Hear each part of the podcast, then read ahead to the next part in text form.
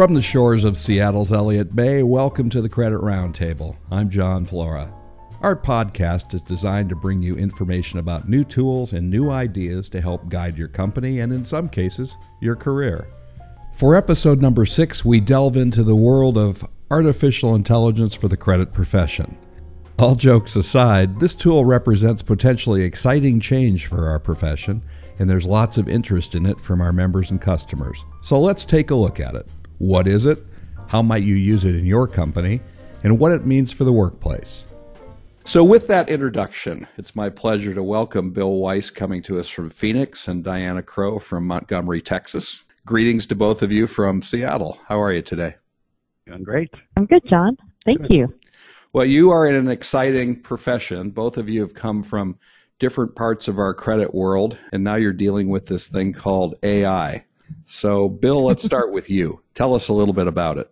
Thanks, John. So, so AI, this is artificial intelligence, which is really intelligence demonstrated by machines, and it's that's opposed to the natural intelligence that uh, you normally would be displayed by humans. It's basically machines or software that mimic cognitive functions that we would normally associate with human minds, such as learning or problem solving. You know, you may have heard of robotic process automation. This is basically programs mimicking specific structured tasks. AI is different because it can perform complicated tasks, it evolves with experience, and most importantly, it can handle unstructured inputs. So it acts more like a human mind than, than, than a robot itself. So, would it be something similar to what on a consumer basis with, say, Alexa uh, from Amazon and those kinds of things, but on a much more robust basis? Exactly. It's it's kind of like how Alexa or or even Amazon knows, you know, what you want to buy based on on your prior experiences. It seems like High Radius and other companies uh, in your space, it's coming on fast. Uh, this change is not it's not something that's just a couple of years out. It's really here now. And I would liken that to back in the late 80s and 90s when Microsoft was uh, here in Seattle coming together with their new products. They were very expensive accessible mostly institutionally, but as everybody got a PC on their desk or on their uh, kitchen table, the price point came down and it really became something for the everyman. Would you agree with that perception, Diana? Yeah, I would say that anytime anything's new, it starts out with a higher price point. However, part of what uh, you know we always encourage people to do is when you're looking at any solution, whether it's with AI and, and automation or machine learning or you know anything else when you're looking to automate some function within your department is you want to look for that return on your investment. And that helps justify the cost. Uh, you know a lot of companies that's what they look for is what's my roi and so any solution provider uh, worth their grain of salt is going to help you with building that business case. And so that helps you better frame the cost so you're not just looking at the top line cost but rather that return on investment. And and that makes it feel a little more feasible. And and there's lots of times you can pick and choose parts of the solution that you want and the automation that you need to do what you need to do. And so that makes it where you can find a better price point for you. So like I don't have to buy like all of, you know, if I didn't want to buy all of Microsoft's suite of solutions, maybe I just need word processing or something like that. Being able to buy those individually that helps make it more feasible for any size company, uh, regardless of whether you're the IBM size or just the mom and pop down the road, if that makes sense. Yeah, absolutely. So let's take that a step further. Give me an idea of, say, three applications or tasks, rather, that you might be talking about that would be analogous to Word and Excel and Outlook or what have you. Well, like for instance, in automation, our solution provides cash application, being able to go get the check remittance information, being able to read that information, match it with the correct invoice, and offset it in your system. So you might need that, but maybe your particular industry doesn't have a lot of disputes, so you might not need a piece that deals with disputes and deductions. Another example is with collections. Maybe that's where the biggest focus is for you. So you're like, okay, we've got Cash App down, but you know, when it comes to collections, we need to have some type of solution. And so being able to have automation help you with being able to be more proactive and strategic in your collection calls so that you're not just making, you know, the old days of dialing for dollars has really, um, it, it's, it's going by the wayside because you want to be strategic in that so that everyone is using the very best of their time. And that's what automation helps you do. So, you know, those are just some of the examples. And also with credit management, like proactive uh, blocked order management, or even just the accumulation of all the data and you know aggregating that and putting it into one player's decision about credit limits and things like that. So those automation brings into the credit department which solution, or use all of them. If that, okay, that's great. Bill, I don't know if you have anything else you want to add. Oh, yeah, I one of the things that even takes it a step further if you're talking about AI in, in collections is being able to know when and if it's going to be paid. Um, you really want to optimize your, your strategies and, and having that type of information can really be helpful when, when you're you know, deciding how you want to use your most valuable asset, which, which is your collectors. One of the questions we're hearing from members and customers is kind of a natural one. How will it affect my job? Will my job go away? Will AI put me or my associates out on the street? So, Bill, what do you have to say? Inevitably, always get asked that question. Um, you know that that seems to be the, the hot button, and, and and the answer is is no. Um, you know, it's you know, AI is designed to you know make your job better. Um, you know, machines can replicate tasks, not jobs. Um, you know, a, a, job is generally a, a full collection of tasks um, and it's unlikely that a machine is going to be able to handle all of that unless your job is very specific and you're doing something along the lines of you know, make just you're, you're just making journal entries. You know, AI is also uh, supposed to create jobs rather than end jobs. A good example that I like to use is back in the 80s when ATMs became popular. Uh, you know, the, the thought was that that was going to take the job away and it would eliminate the, the need to have tellers.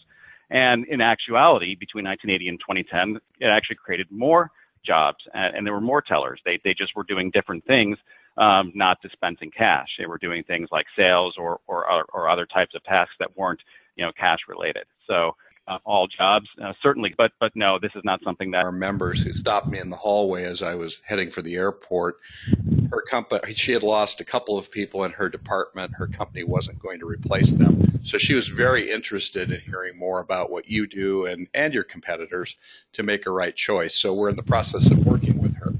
But that would suggest that uh, the world is changing. How, we're going to have to figure out uh, really how to do things differently. So, talk a little bit about how AI is intended to make jobs better and and to free people up uh, to do different things.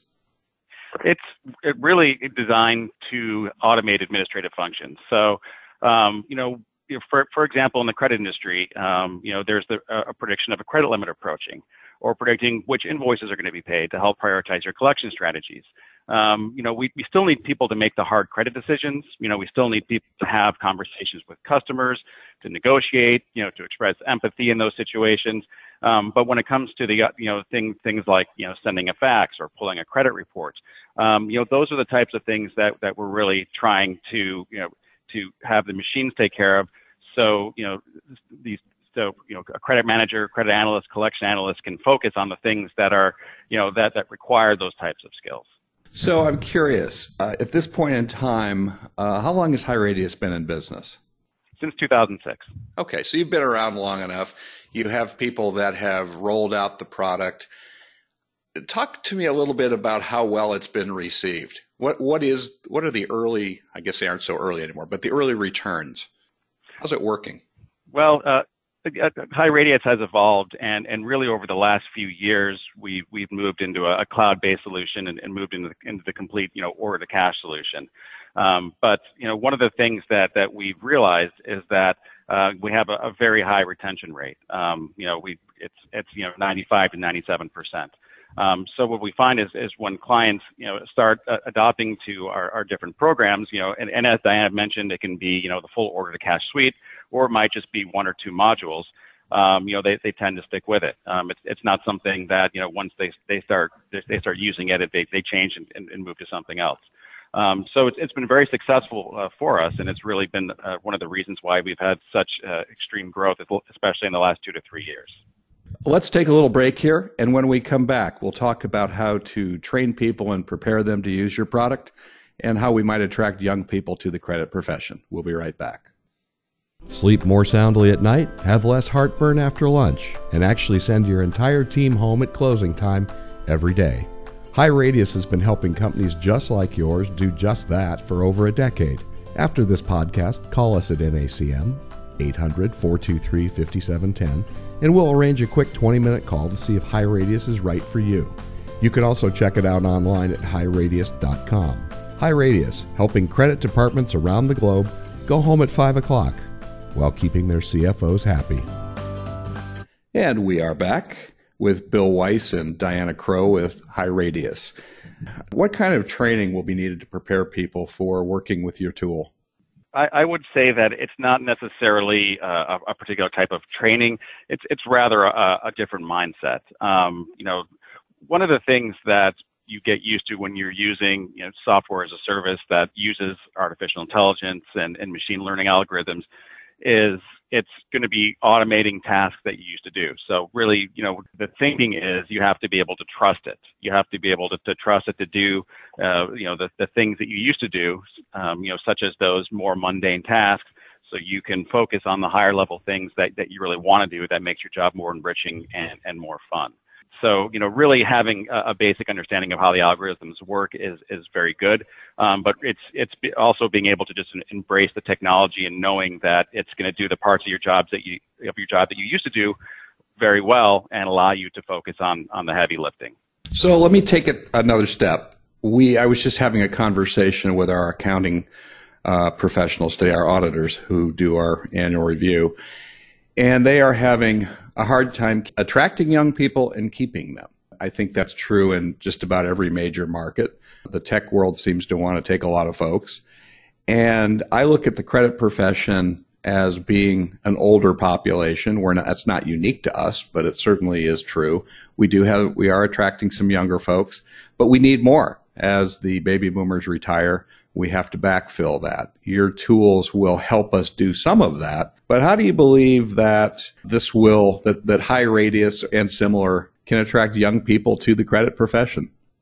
I think that, uh, you know, we've had lots of conversations surrounding this topic with several of our colleagues, you know, who've been in the credit industry for some time, those who are getting ready to retire. And to your point, automation and technology is going to help. When they see that a company is utilizing technology, um, you know, that makes them feel like, okay, this company is more progressive and somewhere a place where I might fit in because the, the up and coming generations ha- have been exposed to technology basically since they were born. To them, it's second nature, whereas we're having to learn, as we talked about in the first segment, you know, we're having to learn and adjust our way of thinking to accept automation and technology as part of our lives. For them, they can't imagine life without it. You know, whereas we remember what it was like. Uh, you know, again, not to date us, but um, you know, so I think that in addition to you know technology being able to make them more strategic and make them feel like their their value proposition is more. That that's something that's very key.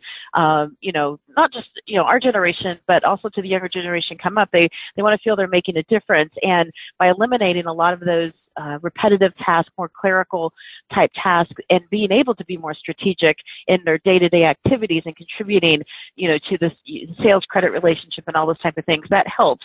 Also, technology and automation can allow for perhaps a more flexible type workforce. I know uh, we've had discussions about that before about allowing people to work remotely, and, and technology allows them to do that. And I think you know companies being open to that type of thing will be key um, to attracting and keeping the the younger generation as they go. And then also just being able to be part of a uh, education type thing that lets you know, people who are getting ready to go to college and study know that this is a career path that they can take. You know, NACM does a lot of education stuff, but that's after people are already in the field, letting them know, you know, ahead of time, hey, this is something that you could do and here are some of the benefits and some of the things that you know companies uh, that are doing are surrounding this i, I think you got to do something to let them out, know that even exists you know i mean when i was younger i didn't know what a credit manager was so you know, I just uh, exactly. happened into it. So well, you know, I, I got into credit as a consolation job. so, well, sadly, in some ways, that's still true. When you visit most mm-hmm. college mm-hmm. campuses, it's amazing to me that most business schools uh, relegate credit to maybe one chapter in a business law class. And I'm not sure how we change it. We're going to be exploring some scholarship internship possibilities. I have a couple of companies that are interested in participating in that, but it, it's an issue. We're a part of the business function that nobody talks about until they actually get into the workplace and find out there's this hidden thing where you can make a pretty good living. So it's interesting. Well, let's let's take that. Uh, let's um, uh, sort of speaking of teams, how does this kind of machine learning help credit teams be more sales friendly and maybe vice versa? That whole question of sales and credit working together. Without sounding like like a, too much like a commercial, this is actually a, a perfect segue into our newest use case for, for AI. What we're what we're doing is we're predicting blocked orders before they happen and then taking some preventative action to make sure they don't get blocked at all. You know, again, we find that analysts are, are looking at 100% of the blocked orders, and they end up releasing most of them. But what we what we see is that um, you know there are certain repetitive tasks that the tasks that they're doing that can be uh, that can be automated. So by using machine learning, we're able to predict when the credit limit is approaching. We're able to predict when payments are, are going to arrive, things like that, and then we can prevent many of the orders from being blocked just like that. Um, so the way this ties into, you know, the make, keeping, you know, customer service and, and, and keeping sales happy is, is that when the orders go through, they don't get blocked. It really helps to make things flow better. Um, they don't need the, the credit department intervening nearly as often this way. In closing here, if a company is looking to automate its credit function or at least wants to investigate it, how do they go? How, what's the best uh, best way for them to start on that? Well, certainly NACMs are, are familiar with the industry and, and, can really help their members uh, with a non-biased uh, direction on, on where to start. So, I mean, I, I, would never, I would never vote against that. We, we also at, at HighRadius are able to uh, have discovery calls and, and, and help our prospective customers figure out whether our, our solutions, you know, are, are a good fit, or if not, um, at least they have an idea of when they might grow into some of the things that we can help them with.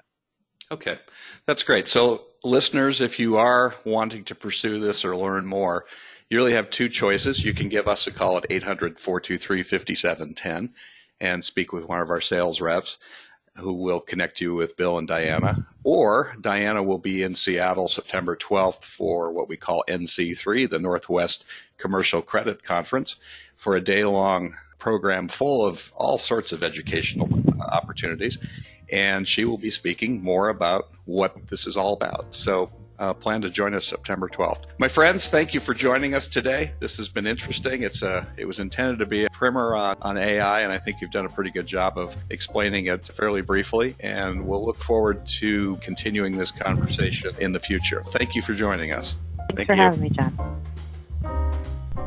And that's a wrap for episode number six.